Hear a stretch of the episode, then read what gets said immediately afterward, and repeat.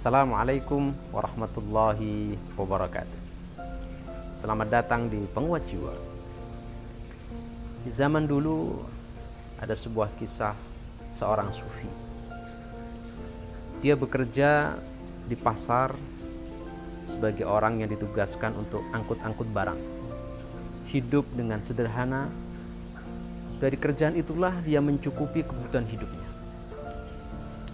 Suatu saat Sufi ini kemudian berpikir, merenung, yang sampai pada satu kesimpulan. Ya Allah, betapa saya susah amat hidup ini. Untuk mendapatkan sesuap nasi saja harus bekerja sedemikian berat. Maka dia berdoa kepada Allah, apa susahnya bagimu ya Allah untuk memberiku kecukupan makan tanpa saya perlu susah-susah bekerja. Setelah dia berdoa, kemudian hari berlalu. Keesokan harinya dia bekerja di pasar seperti biasa. Entah dari mana asalnya tiba-tiba si Sufi ini diteriaki maling oleh yang ada di sekitar situ. Maling, maling, maling. Akhirnya orang berkerumun. Kemudian Sufi ini kemudian dijadikan sebagai sasaran oleh sekian banyak orang. Kemudian datanglah polisi atau petugas keamanan yang ada di situ. Dia diamankan. Kemudian dibawalah Sufi ini ke kantor polisi, ke kantor keamanan. Dia ditahan di situ, akhirnya dimasukkanlah dia ke penjara. Pagi dia dapat jatah makan satu piring nasi.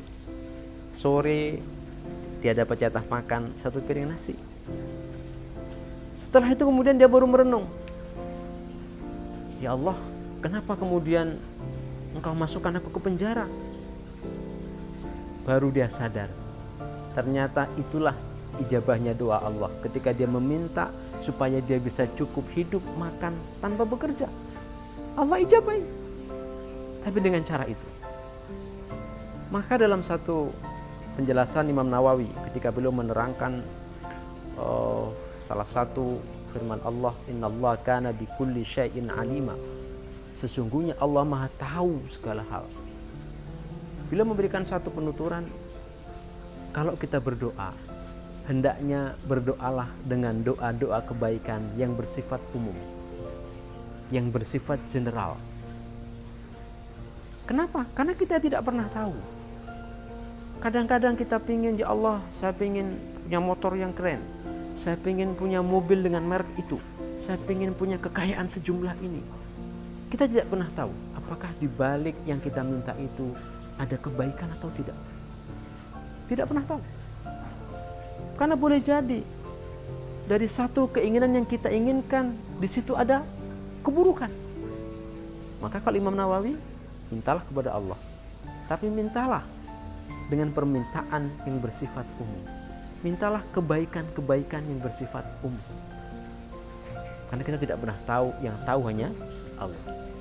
Nah sebab itu kita perlu berhati-hati. Bagaimana caranya? Selalulah berbaik sangka kepada Allah. Selalulah berpikir positif kepada Allah.